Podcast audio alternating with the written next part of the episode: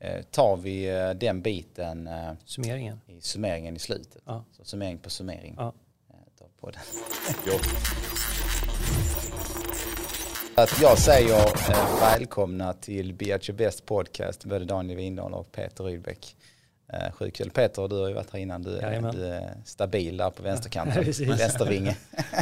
För mig är vänstervinge. Du är i och för sig högervinge på din sida. Eh, men Daniel, du har inte suttit här innan. Eh, Nej, du har varit hos oss innan. Eh, för du har ju gjort ett eh, DNA-test Exakt. eh, från Your Best. Eh, som vi ska gå igenom här lite i slutet av denna podden. Eh, men först faktiskt så undrar ju jag och säkert jättemånga andra, hur är läget? Jo, det är väldigt bra.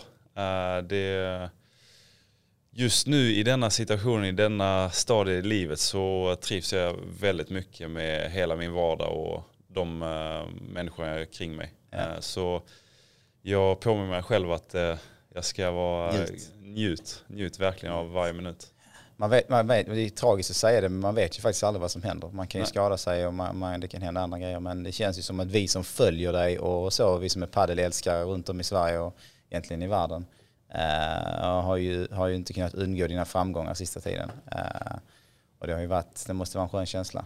Jo, Verkligen få absolut. lite kvitto på, eh, på den hårda träningen. Absolut, nej men vi, vi har ju som sagt gjort en eh, väldigt gedigen eh, försäsongsträning tillsammans med Andreas Johansson och vi har verkligen nått till våran maxpunkt, till våran punkt där vi vill liksom slå ihjäl varandra. Eh, ja, men, eh, Det är kanske det som krävs. ja, men vi, vi behöver vara på den gränsen och vi behöver eh, gå över den ibland Ja. för att dra ner oss eh, därefter. Eh, men att vi eh, är på den punkten, det behövs för vår utveckling, att vi verkligen tar oss ur vår comfort zone. Men om man jämför eh, försäsong och försäsong, eh, den här försäsongen varit nu, vad är, vad är det som är annorlunda då? Har ni steppat upp träningarna, fler träningar eller vad, är det, vad, vad gör ni annorlunda? För resultaten har ju som sagt blivit bättre. Ja, framförallt så har det varit mer, alltså kvantiteten har vi, hade vi ju förra försäsongen också, eh, förra året. Eh, men det som i mina ögon har blivit bättre- det är ju kvaliteten. Eh, när vi väl har liksom haft ett tungt fyspass eller eh, långt paddelpass, så då, det har varit mer kvalitetstimmar.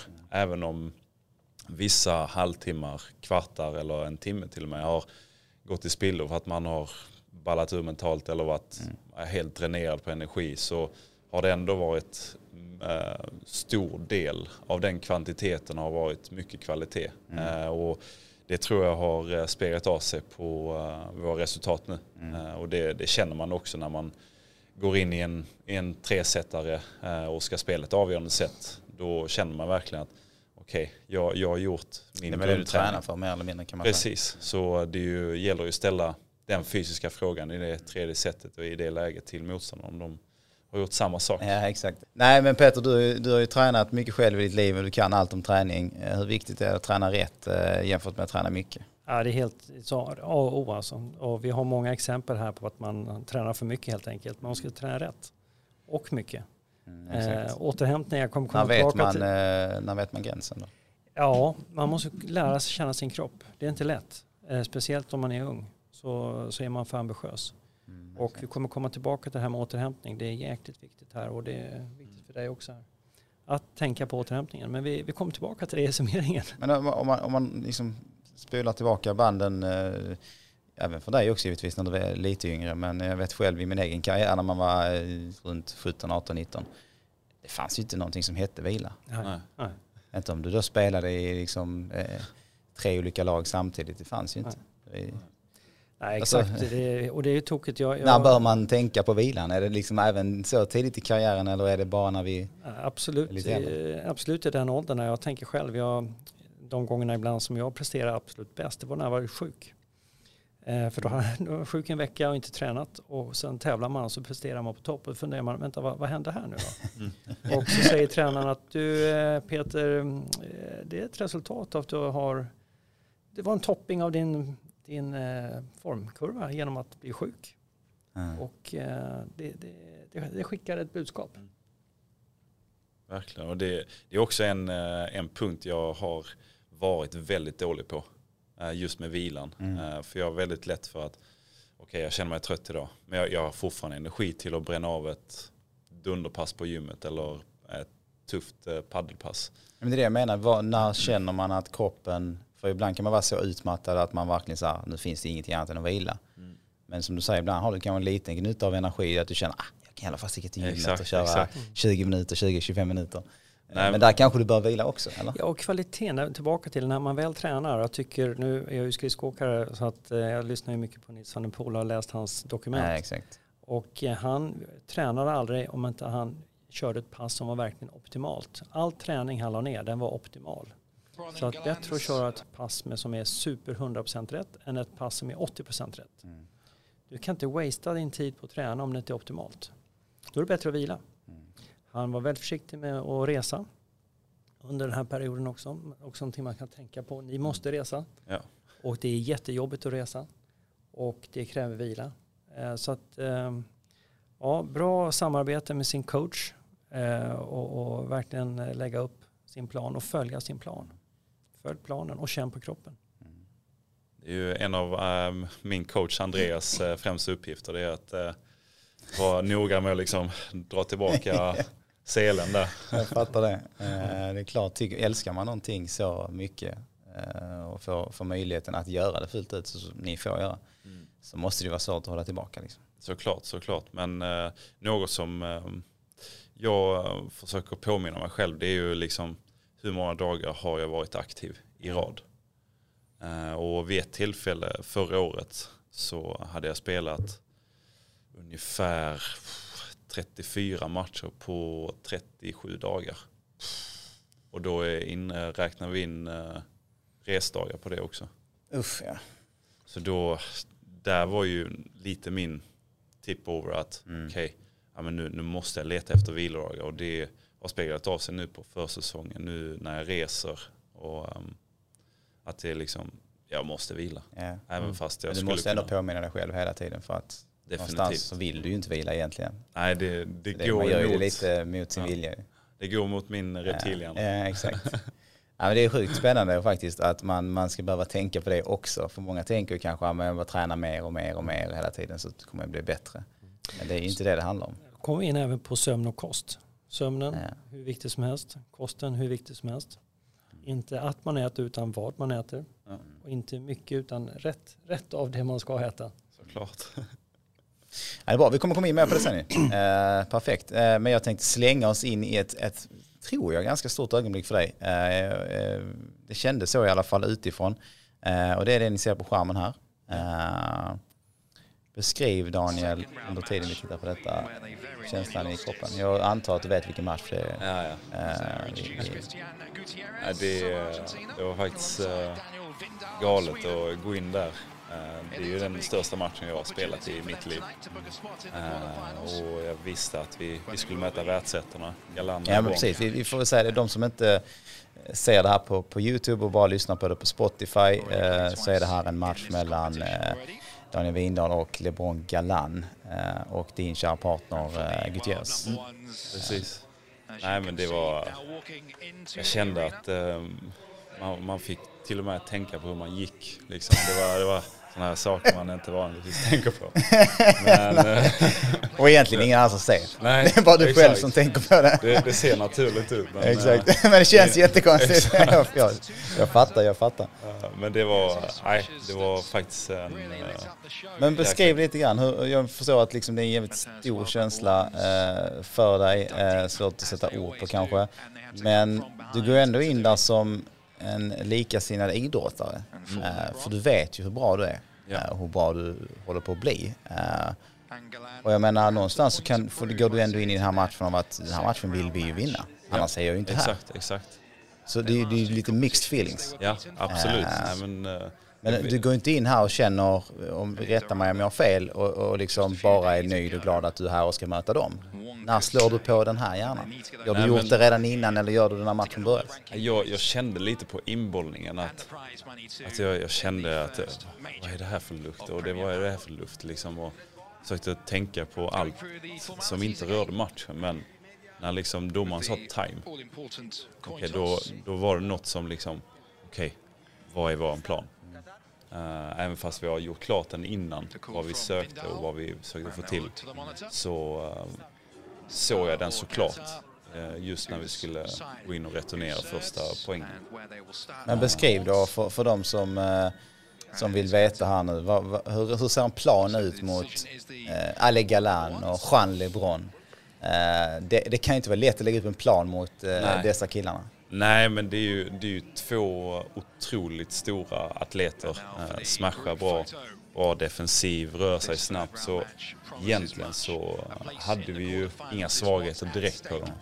Eh, men det vi försökte utnyttja det var ju min räckvidd vid, fram vid nät. Eh, och hur får vi den räckvidden till att vara vinkelmässigt liksom mm, större och större. Mm. Så fokus låg kanske lite mer egentligen på era styrkor än deras Ja. svagheter. Precis, precis. Och vilket momentum eh, de besitter. Är det liksom, vi vet om att LeBron kan vara eh, en spelare som han inte kan ens slå en boll på. Men det kan också vara en spelare som, har han inte momentumet med sig så kan han vara en sån person som kan ge bort ett game. Exakt. Eh, Så det var ju Där det. har du kanske Galan lite stabilare eh, psyke framförallt. Precis, precis. Vi visste att, eh, också att Galan är ju lite mer stabilare. Håller sig på en nivå. Men fortfarande ett fruktansvärt hot. Eh, så det var mycket bollar i mitten. Seven som tog kommandot och inte ville ha kommandot. Eh, och det var där vi försökte lägga upp det.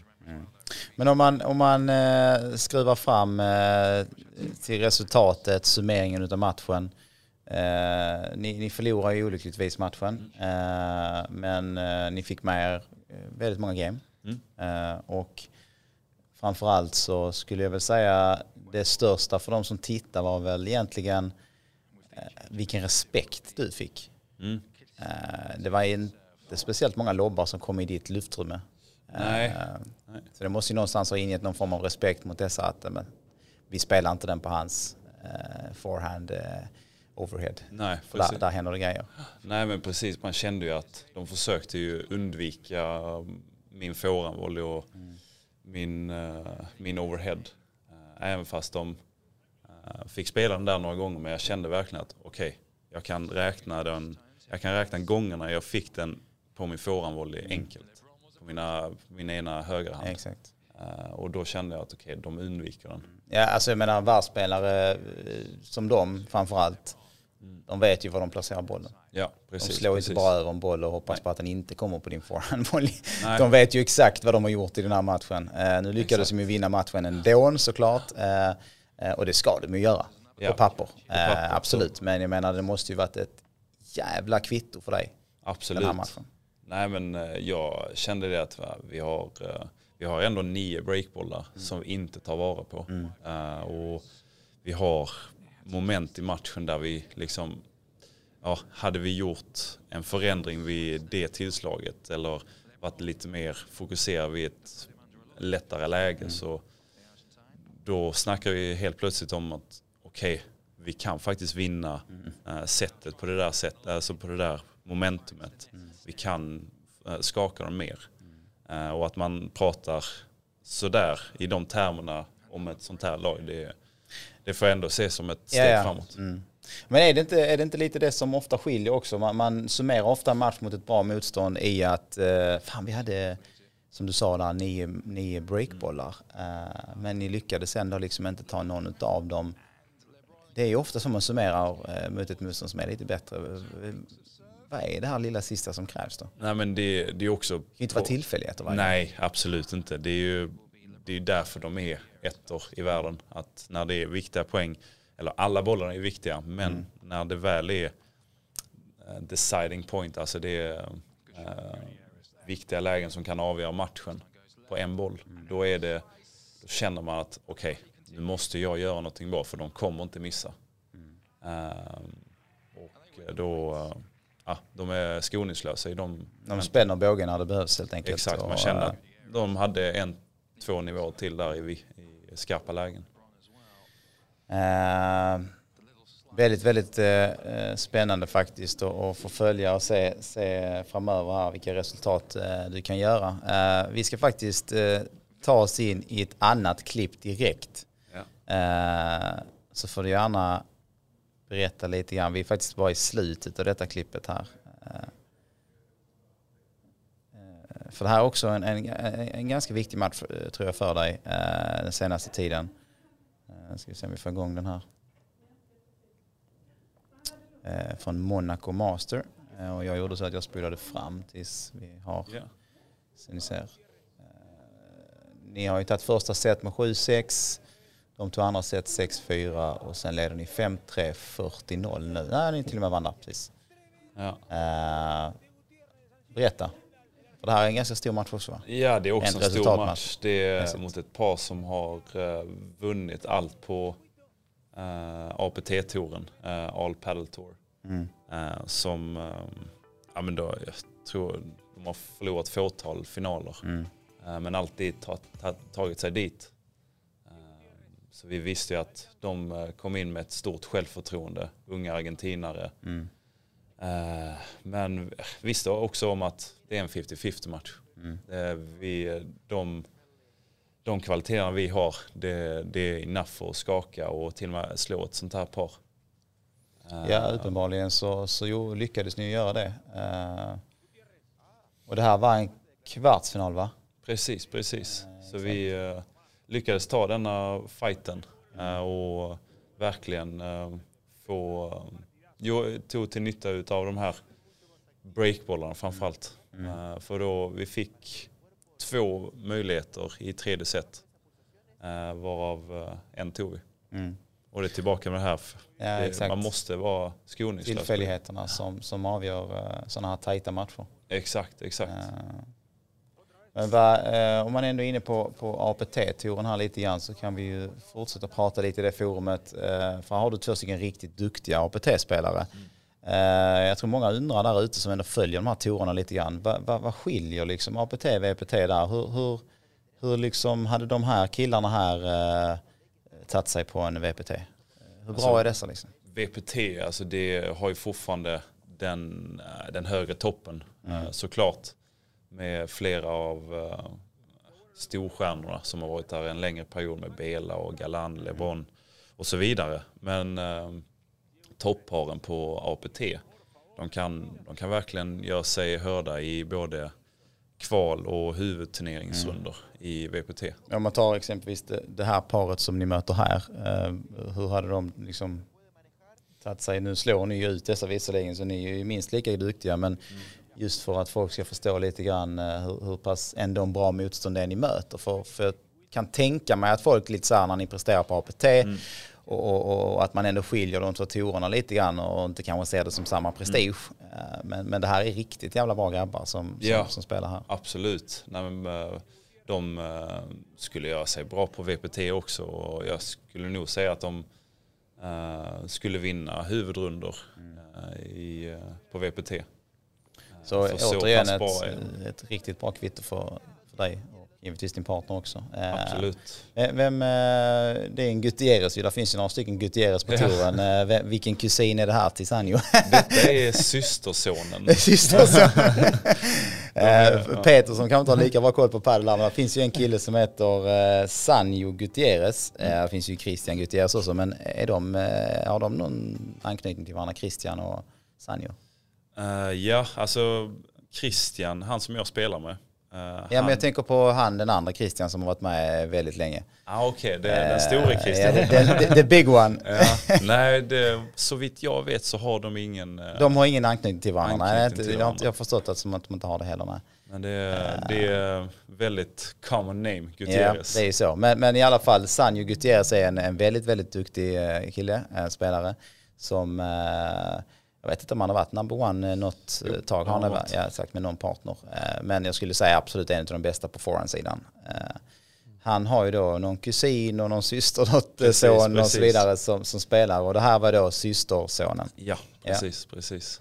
Så nej men de, de är ju tre stycken där, varav eh, Sanjo då ligger högst. Mm. Eh, och efter honom så är det hans, ska man säga, kusin, Mm. Eh, Agustin Gutierrez, Ja, som ligger runt 20-30 skulle jag tippa. Han, det var han Simon skulle spela med någon och undrar vad som det precis. sket sig lite i slutet där. Exakt, det en exakt. liten story kring det som inte vara så rumsren. Men ja, uh, okej, okay, ja.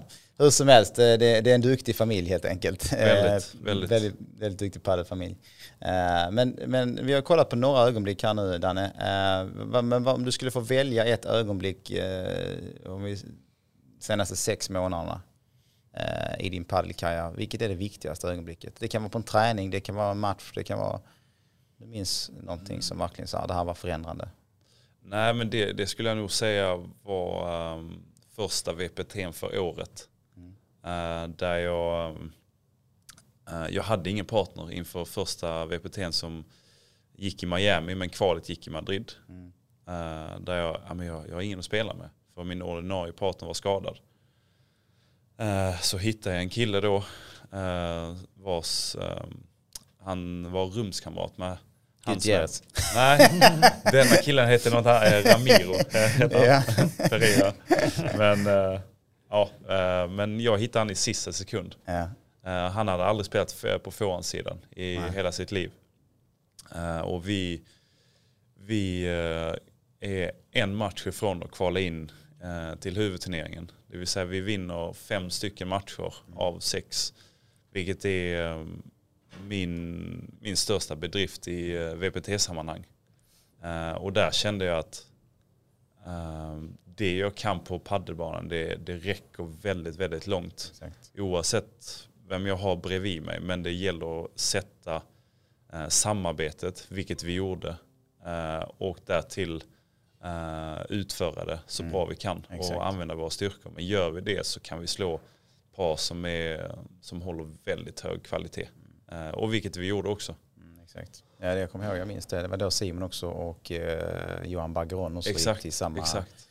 samma gäng där. Men eh, det, det, är ju sjuk styrka faktiskt och kvitto för dig just att kunna spela med olika partners och ändå prestera. Mm. För att där kan det skilja sig lite. Vissa är ju väldigt svåra Precis. att spela med och få upp ett lag. Mm. Uh, men då, då, antar jag ju att, att du är en väldigt bra partner också.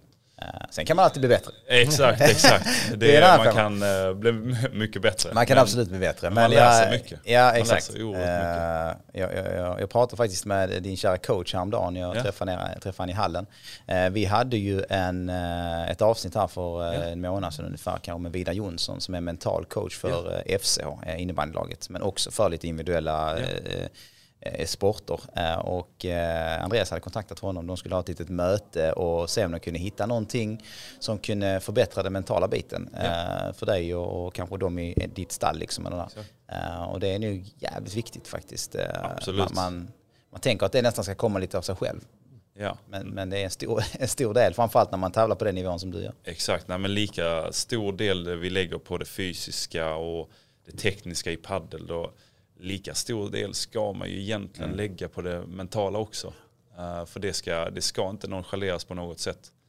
Uh, det är det som kan skilja dig från att ta något av de här breaken kanske. Precis, precis. Vem vet? Exakt, det, det, många gånger det kan vara the tip over, eh, mm. tip over i många matcher. Mm. Men du, eh, vi, vi ska ju snart summera lite här, eh, din, din paddel, gå in på lite mer vad, vad Peter har för information till dig. Men eh, jag tror ändå många är lite intresserade av att veta hur mycket får vi se dig i Sverige? Uh, min ambition... Så lite som möjligt. Nej, ja, men, ja, det, det Förstående blir... givetvis. Vi tycker det är tråkigt som följer dig här ju, men, men jag förstår ju någonstans ändå att det är inte det är inte här i Sverige som din utveckling sker. Nej, precis. Uh. Nej, men man vill ju tävla mot de bästa i världen. Man, och det är där uh, hela utvecklingen ligger. Uh, samtidigt så vet jag mycket väl om att svenska tränare är väldigt viktiga. både för sponsorer och liksom öka nivån i Sverige och mm. konkurrensen. Och det vet, vet både jag och Simon och Kalle Knutsson som har de här internationella målen att det finns konkurrens i Sverige. Mm det är inte ja, på något som sätt. du själv nämner här, det är också viktigt också kanske att ni representerar någonstans och är en bra förebild för exakt, att bygga exakt. padden i Sverige. Skulle ni försvinna och kanske lite fler spelare från toppen då, då kommer ju inte nivån öka i Sverige Nej, så snabbt som den faktiskt kan göra med att ni kommer tillbaka och spelar lite tävlingar här och var när ni verkligen precis. kan få in det i ert schema. Så att all cred till er som verkligen gör det. Mm. Uh, och så, för det kommer ju gynna alla, alla de som kommer under Exakt. Nej men det, det är något vi försöker titta på och verkligen Eh, inte nonchalera, nonchalera på något sätt. Eh, men när, eh, när det väl är krock eh, mellan en stor internationell turnering, mellan en svensk turnering, så då vill vi ju söka utvecklingen och eh, den maximala konkurrensen. Jag tror faktiskt de flesta har förstående för det. Eh, Ja. Det hoppas jag i alla fall. Eh, men eh, okej, men, men sist men inte minst då, eh, den stora frågan, vad är målsättningen? Eh, vi har ju en bild framför oss här Mm. eh, som är kanske en del av målsättningen. Det var en målsättning i alla Mm. fall. Det pratades väldigt mycket om att du ville hamna topp 100. Exakt. Eh, nu har du varit topp 100 och till och med varit eh, ännu bättre än så. Ja. Eh, det current rank som vi ser framför oss är ju exakt 100 vilket är Ja. lite roligt och lustigt. Men Ja. eh, när jag tog upp den idag så var det det. Eh, så det målet har du nått. Eh, vad har du för mål annars? Nej men mitt, eh, mitt mål detta året är ju mm, att söka den maximala mm, utvecklingen och nu när vi har två till och med tre torer som inte tar hänsyn till varandra på Nej. rankingsystemet eller eh, eh, dat var, vart det ligger, när det ligger så då får man, man får nog förbereda sig på att det kan bli en eh, eh, jojo-ranking. Mm, att man går upp och ner på vissa. Innan du Eh, satsar lite grann vilken ja, tour som kommer att sätta Precis, sig. men eh, mitt högsta mål är ju vara bland de topp 20 bästa i världen. Mm. Det är mitt eh, slutmål. Ja, bra mål, rimligt mål. Rimligt säga, mål. faktiskt. Det- I den, den, den eh, formen som du är nu och den utvecklingen du har visat så är det ju för oss som sitter och tittar fullt möjligt. Eh, Så det är bara att kriga på ju. Och kanske med hjälp av vår kära professor här, eh, Peter. Rydbeck, eh, så kan vi kanske eh, twista till det lite grann och göra det lite enklare för dig kanske med din Såklart. träning, din kost och, och så vidare. Och framförallt eh, skador som du inte vill dra på dig eh, den närmsta tiden här. Eh, Exakt. Så eh, Peter, återigen välkommen att vara tyst här en liten Ja, stund nu för att ja. ni har pratat mycket med Daniel. Men nu ska du få prata lite grann och du ska få briefa Daniel här lite grann i hans resultat i DNA-analysen. Exakt. Ja. Daniel har ju gjort Sport Genetics och jag tycker det är väldigt viktigt att man har helheten här. Mm. Vi pratar ju det här om teknik, vi pratar om sömn, vi pratar om många saker, mental träning. Allt är viktigt och det går inte att låta någon sten vara ovänd så att säga. Man måste vända alla blad, man måste göra allting i sin makt. Man kan inte negligera någonting. Och då ingår även kost och träning självklart, att man Precis. optimera det på ett optimalt sätt. Mm. Sportgenetics går ut på att man ska försöka få information om vad som kan vara extra viktigt för den enskilda individen. Och jag har några sådana här saker Ja. eh, som, som jag har eh, summerat vad det gäller dig. Och det är klart intressant också att lyssna på ditt hårda schema. För en av de här sakerna som är ett key message till är det med din återhämtning. Mm. Eh, du tränar enormt mycket, du tävlar mycket, du spelar må- många och långa matcher. Och eh, för dig är det extra viktigt med att du tänker på muskelåterhämtningen. Ja. Och hur löser man den biten? Ja, det finns ju självklart att man äter schysst mat, bra basic mat och det, det tror jag du gör. Och vi pratar mycket om det innan. Försöker i alla fall. Jaha. Eh, och, och, eh, väldigt, det finns olika sorters aminosyror man kan ta och det finns det specifika kosttillskott som BCA och sådana saker som man kan tänka på. Eh, även eh, för ditt, i ditt fall ett ex- extra ökat behov av magnesium. Mm. Så du ska tänka på magnesiumrik kost och sen överväga kosttillskott dessutom. Ehm, och om du nu får en skada Mm. extremt extra viktigt för dig att verkligen inte starta för tidigt och när du väl startar att du gör det successivt. Det kan man säga, det är viktigt för alla men jag- för dig Daniel så ser jag det som extra viktigt. Lyssna på din kropp. Key message till alla. Mm. Eh, Det är viktigt för alla och, och eh, jag kan inte säga det nog men det, det är viktigt. Det är Ehm, precis det jag har lite problem med. Ja. Men det som jag har blivit bättre på. och Det är kanske någonstans bra att få det här eh, lite till sig på, på det här sättet. Absolut. eh, för att få lite mer ett kvitto på. Men det här är ju faktiskt något du måste tänka på. Ja. Nu har du hört det från tre olika håll. Mm. Eh, då, då sätter det kanske lite mer i ryggmärgen och lite Ja. lättare för dig att bara så, nej, fan idag börjar jag vila liksom. Jag börjar Ja. lyssna på min kropp idag. Exakt. Precis, och det är lite syfte med testet här. Sportinetics ger liksom inside information vad som är ex- extra viktigt för individen. Och ehm, det här är extra viktigt för dig. Mm. Och får man det på svart på vitt så, så kan det vara lättare att ta till sig. Ehm, en annan bit som, sak som sticker ut för din del är det här med intag av proteiner. Mm. Att du ska äta mer än, eh, andelen ska vara större än den normala, normala människan. För det står i din rapport 25% av ditt energiintag ska vara proteiner. Och det är mycket. I vanliga fall brukar man säga 10-15%. Eh, och då är det bra att, att tänka på att man blandar proteinerna. Man tar magert kött, man tar fisk och man tar vegetariska proteiner. Så att man inte bara äter rött kött. Är inte det som är budskapet. Nej, nej jag förstår. Um, några tankar på det här som jag har sagt kort? Ja, alltså jag, jag vet ju eh, idag så um, tar, tar ju framförallt mycket kycklingfärs uh, istället för nötfärs. Uh, så jag, jag har ju det rätt naturligt idag när jag väl lagar mat att det, det är mycket kyckling och kalkon. Framförallt i Spanien så är det mm. kalkon. Ja. Um, så det är ju något som faller ganska naturligt. Um, men uh, jag, är, jag är ju en älskare av rött kött. Ja. Men, och det kan du fortsätta äta. nej, men Variera sig bara lite grann. Ja, Absolut. Nej, men det, det är något jag kommer, jag kommer ta med mig. Men de, de, som inte riktigt kan allt om kost och så vidare, så de, de hade kanske ställt sig frågan här, varför skulle du äta, som du sa, kycklingfars istället för nötfars? Ja, det, det är att man äter magra proteiner kan vara en allmän hälsofråga. Rött kött vet vi att det är för mycket rött kött är inte bra helt enkelt. Det finns så mycket information om det. Rött kött är inte dåligt, så att det kan du äta, men det handlar om överkonsumtionen som inte är bra. Mm. Så att du ska absolut njuta av det röda köttet vid rätt tillfälle. Så att det, det mättade fettet och ja, det finns många aspekter kring det. Då. Uh, en annan sak som jag vill skicka budskap till det, det är tillbaka till muskler och leder. Det finns eh, aminosyror som heter prolin och lysin. Mm. Vad det är för någonting behöver du inte bry dig om. Det finns i tablettform att köpa som kosttillskott. Det är någonting som jag tycker du ska överväga att ta. Ja. Tillsammans med att du äter mycket frukt och grönt som innehåller mycket C-vitaminer. Ja. Det, det är med tanke på vad resultatet säger här så, så, tycker jag det är sånt som är extra viktigt för dig. Ja. Vi brukar vara försiktiga med att rekommendera kosttillskott i onödan så att säga. Men det här tycker jag sticker ut och som med tanke på vad du gör och hur du lever så tycker jag det här kan vara en bra rekommendation för dig. Ja. Eh, man kan också säga att det här DNA-testet eh, olika skeden i livet. Kan, samma DNA-test kan ge olika rekommendationer beroende på vad du är i livet. Mm. Så bara för att man har gjort det här så, och sett så här ska du göra nu det är ju baserat på hur du lever nu. Ja. Så att om du ändrar din livsstil, då får du nya rekommendationer baserat på samma DNA-test. Ja. Okay, okay. Bara för att eh, förstå att det här är inget, man får inget recept på att nu ska du göra så här. Nej. Utan man måste anpassa det här resultatet beroende på vad man är idag och vad man gör. Och det är det jag har försökt göra här när jag tittat på det här. Ja, ja.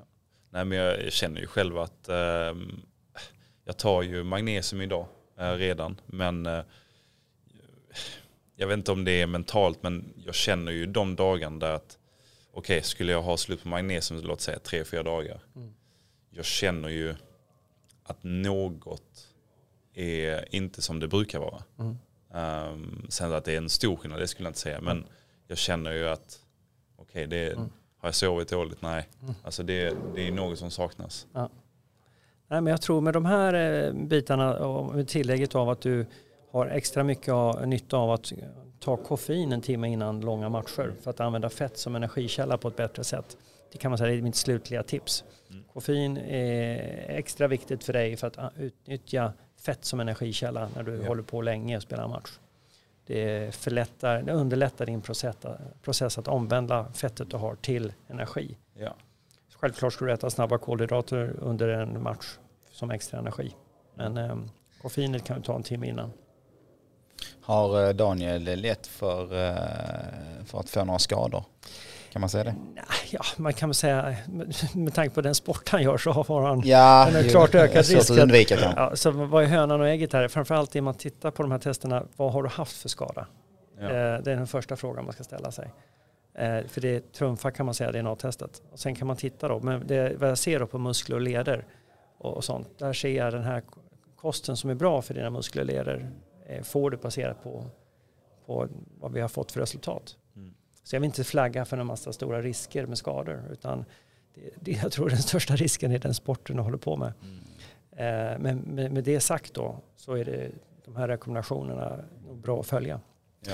Ja, för vi, vi kom in på, jag hörde att ni pratade lite grann innan här ju och eh, du pratade ju om din eh, kära far Jörgen. Ja. Eh, att han har många krämpor. Nej, men, ja. Eh, Ja, men, eller han har lätt för lite skador och lite ont lite i, i artros och Precis. ja, i armbåge och axel och allt möjligt så här. Eh, och då sa ju du Peter att han, han antagligen har han ju likadan genetik, liknande i alla fall. Eh, skulle tänka på det här. Eh, så att det är kul att, att det faktiskt är så att du får reda på det här. ja. Eh, Du lever, visserligen i i tiden idag, generationen vi lever i idag, så kanske man är lite mer medveten om man var när din farsa tävlade. Eh, han har några år på nacken mer än dig eh, såklart. Eh, eh, men, men om han skulle levt så som du gör idag och med den här informationen så skulle kanske han kunna undvikit en del av de här bekymren. Eller hur kan vi... Ja, jag tycker, ja, te- teoretiskt sett ja. Förutsättningarna är Eh, bättre. Ja, men förutsättningarna är Mm. bättre, bättre kan man säga. Men sen kan man säga att det är svårt att säga.